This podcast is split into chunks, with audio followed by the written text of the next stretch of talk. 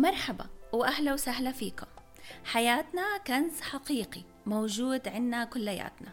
حياتنا هي مجموعة قصص ملهمة منعيشها يوم بيوم.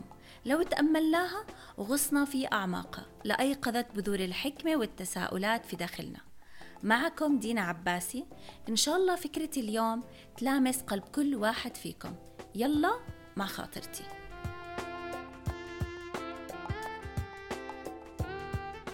تعرض ابني لكسر بسيط في إيده اليسار واحتاج إنه يجبصنها طبعا موقف جديد يستدعي التأمل والمراقبة الإيجابية.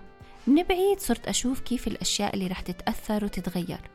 لأنه بحب الرسم كتير حول القطعة البيضة الموجودة على إيده للوحة فنية. وبعدين صرت أشوف إنه أواعيه مرتبة ولما قربت أراقب فيه حسيته عم بيستخدم إيد وحدة لأنه هو كتير منظم وبحب الترتيب. ولأنه عنده مسؤولية في البيت يطوي الغسيل أخوه تعاون معه وعمل له قطعة من الكرتون تساعده ينجز المهمة حتى الاستحمام اللي متعود عليه بمساعدة بسيطة دبر أموره. بصراحة استغربت إنه ما في فرق كبير بين إيده قبل وبعد واستنتجت إنه قدر يدبر كل أموره اللي بتعكس شخصيته.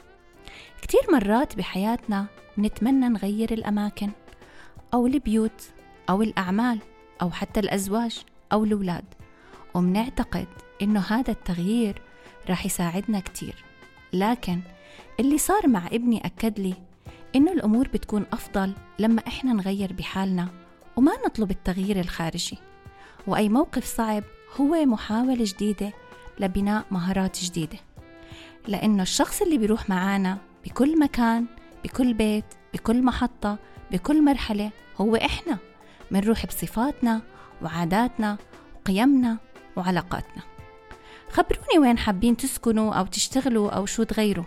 أنا بصراحة حابة أسكن جسمي وأحبه أكتر وحابة أشتغل على تطوير حالي. مع تحياتي دينا عباسي.